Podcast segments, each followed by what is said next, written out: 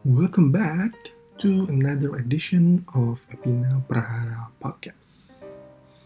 This is the new episode, episode 6, and I'm gonna talk about privilege. Um, unfortunately, Epina masih belum bisa nemenin ngobrol-ngobrol lucu lagi di Epina Prahara Podcast. It does not mean that we are not talking each other anymore kita memang belum ada waktu untuk recording bareng. Jadi biasanya kalau kita ngobrol ya via teks, via teks WhatsApp ngobrolin hal-hal yang menarik. Kayak contoh kemarin gue nge-WhatsApp Pepina soal salah satu tempat pembuangan akhir sampah di Tangerang itu jebol, di mana sampahnya kemudian masuk ke sungai yang ada di dekat TPA tersebut. It's so bad kalau dari gambarnya itu kelihatan banget sampahnya itu menumpuk sampai ke atas sungainya.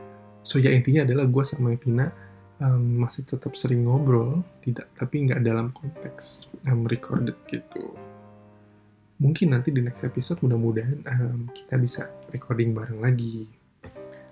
Nah, um, mungkin di episode ini akan agak lumayan aneh karena gue jatuhnya akan monolog, kayak ngobrol sendiri, ngoceh sendiri, direkam dan diupload.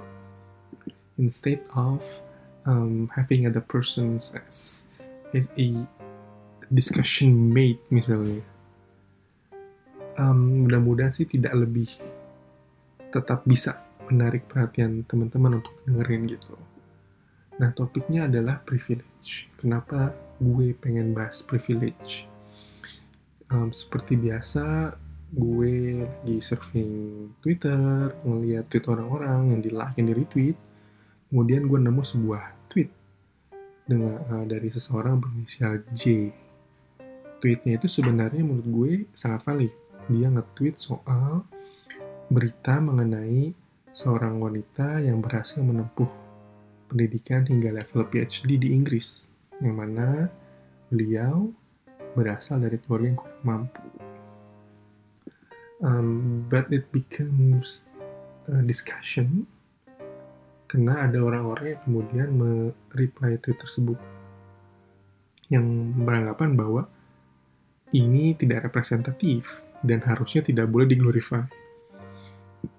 Tidak diglorify dalam konteks tidak boleh jadi sebuah justifikasi buat um, negara untuk membiarkan kondisi sekarang di mana orang-orang dengan privilege itu lebih punya akses untuk menempuh pendidikan tinggi dibandingkan orang-orang yang tidak memiliki um, privilege. Nah, menurut gue diskusinya jadi menarik, tapi ada sesuatu yang kurang. Sesuatu yang menurut gue um, they lack of a very fundamental element when we talks about privilege. Menurut gue, sebelum kita ngomongin privilege, itu seharusnya kita sama-sama paham dulu buat orang yang um, ada di diskursus tersebut sebuah um, konsep filsafat yang disebut sebagai lottery of birth. Kalau kita sudah paham apa itu lottery of birth, maka diskusinya akan enak kalau kita ngomongin privilege. Nantinya kalau kita udah ngobrolin soal privilege, next step-nya lah kita akan ngobrolin mengenai apa itu affirmative actions. Dan kenapa kita perlu affirmative actions. Tapi we need to go to the basic thing, what so-called as lottery of birth. Nah, lottery of birth itu adalah sebuah konsep filsafat, di mana secara general, orang itu tidak bisa memilih hal-hal yang um, didapat ketika dia lahir. Dikarenakan dia tidak bisa memilih hal-hal tersebut, ketika dia hidup dan menjalankan hidupnya, dia tidak boleh mendapatkan sebuah halangan untuk memanifestasikan hidupnya, yang mana halangan tersebut didasarkan kepada hal-hal yang dia peroleh ketika dia lahir. Contohnya, um, gini, lottery of birth itu spektrumnya luas. Salah satunya misalnya kita ngomong ras. Gue nggak bisa minta untuk lahir sebagai orang dengan kulit putih. Atau kalau dari kesukuan, misalnya gue nggak bisa minta lahir sebagai orang Jawa, atau gue nggak bisa minta lahir sebagai orang Papua. Nah, ketika gue nggak bisa milih pada ras apa gue dilahirkan, maka pemerintah, maka orang yang berkuasa seharusnya tidak memberikan halangan kepada gue untuk menikmati hidup gue, untuk menjalankan hidup gue atas dasar ras. Karena gue nggak bisa milih. It's become totally unfair. Nah, spektrum ini juga termasuk dalam konteks keadaan ekonomi. I cannot choose that I want to be the son of Bill Gates. Gue juga nggak bisa milih, gue mau jadi anaknya Jokowi misalnya.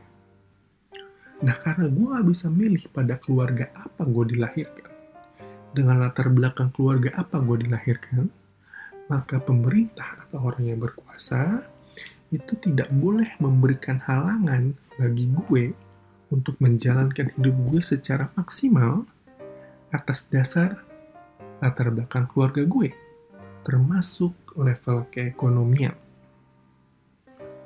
Nah, konsep ini yang dinyatakan sebagai lottery of birth. Lalu apa hubungan dengan privilege? Privilege adalah konsekuensi ketika lottery of birth lu lebih beruntung dibandingkan lottery of birth orang lain.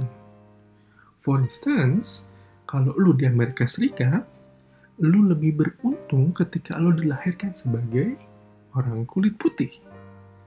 Compare if you are born as an African American, for instance, or as Hispanic, or as Latinx. Atau kalau di Indonesia misalnya dalam konteks perpolitikan, lo akan lebih beruntung ketika lo dilahirkan sebagai orang Jawa dibandingkan ketika lo dilahirkan sebagai orang Papua atau sebagai orang Padang misalnya. Nah, privilege didapatkan ketika lo memiliki lottery of birth yang lebih baik dibandingkan orang lain. Dalam konteks pendidikan, ketika lo lahir dari keluarga yang memiliki latar belakang ekonomi lebih baik atau di atas rata-rata, effort yang lo keluarkan sebagai individu untuk menikmati suatu level pendidikan tidak lebih besar dibandingkan effort orang yang secara lottery of birth lahir dari keluarga yang kurang mampu. Sederhananya adalah kalau lu lahir di keluarga dengan keekonomian yang cukup, lu punya akses kepada pendidikan formal, lu punya akses kepada pendidikan informal, kayak misalnya um, bimbel, atau um, les bahasa asing, atau les musik. Lu mungkin mengeluarkan effort pada level 50 untuk bisa lulus S1 di universitas terkemuka orang dengan lottery of birth yang tidak seberuntung lo misalnya, dia harus keluar effort sampai level 150 untuk menikmati level pendidikan yang sama. So that is the problem of privilege. Pertanyaannya, apakah kemudian privilege benar atau salah? Balik ke konteks lottery of birth. Lu tidak bisa menyalahkan orang yang punya privilege karena itu lottery of birth. Dia juga nggak minta untuk lahir dari orang keluarga orang kaya.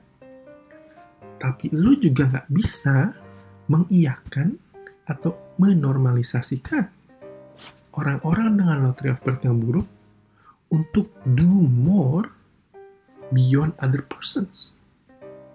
Because that's totally unfair.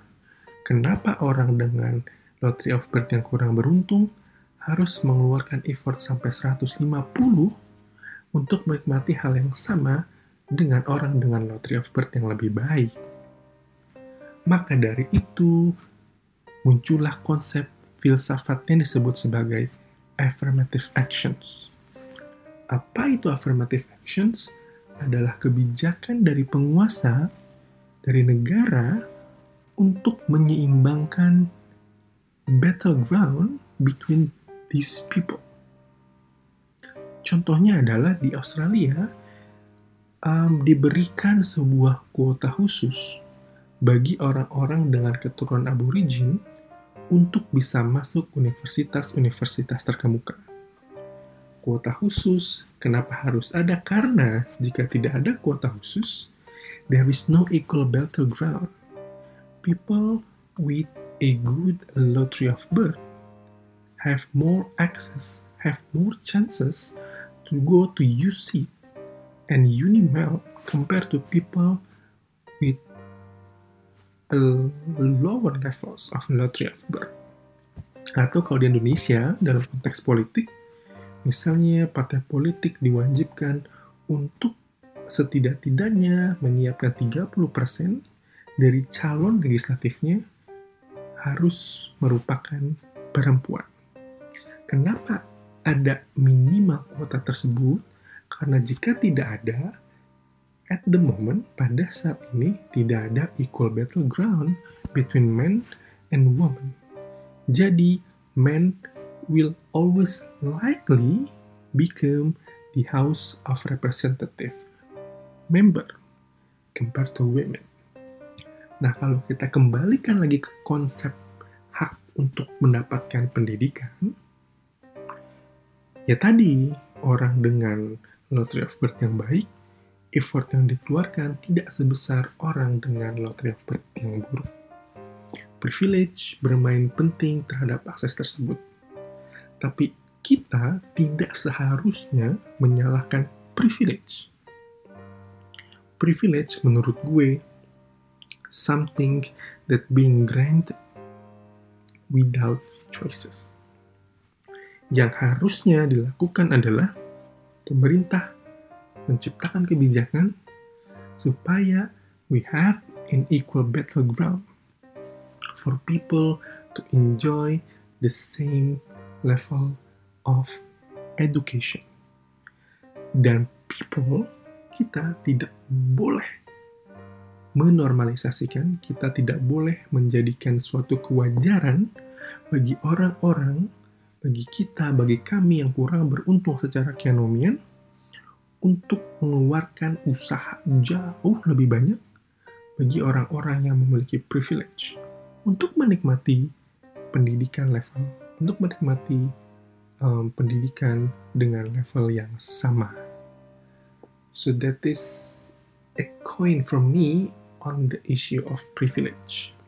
Menarik tapi juga menurut gue seharusnya tidak dalam konteks memberikan dalam suatu judgmental on other sides of the opinions.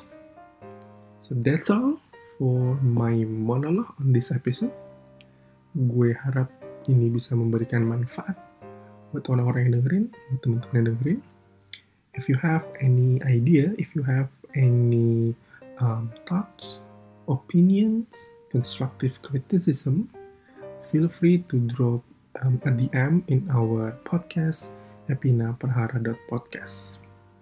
And this episode will be available both in our Spotify.